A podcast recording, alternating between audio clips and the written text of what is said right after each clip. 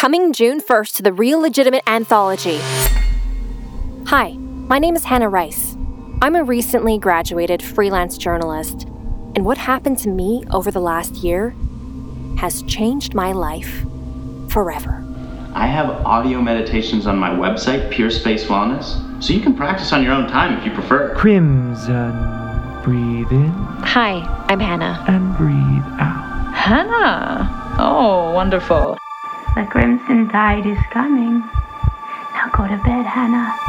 You need your rest. This summer, I set out to investigate a sinister Toronto based death cult hell bent on bringing our world to a fiery end. Then I spotted my target. Are you here for the Tyndall development meeting? Okay. On each hook okay. hung a small dagger. Okay. Oh, oh my god, holy shit! Crimson. Crimson. Crimson! Crimson. Follow me, Hannah Rice, as I reach back through time and uncover the tactics, the dogma, and the truth about HSHK. Elizabeth Russell was born December Miss 26th. Edith Sarah Louisa Bolton was born in 1847 in Toronto. Winfrith was born in the year 675 in the region of Essex, Egypt. England. Hello, you've reached Hannah Rice. Can't answer right now, so send me a text or leave me a message.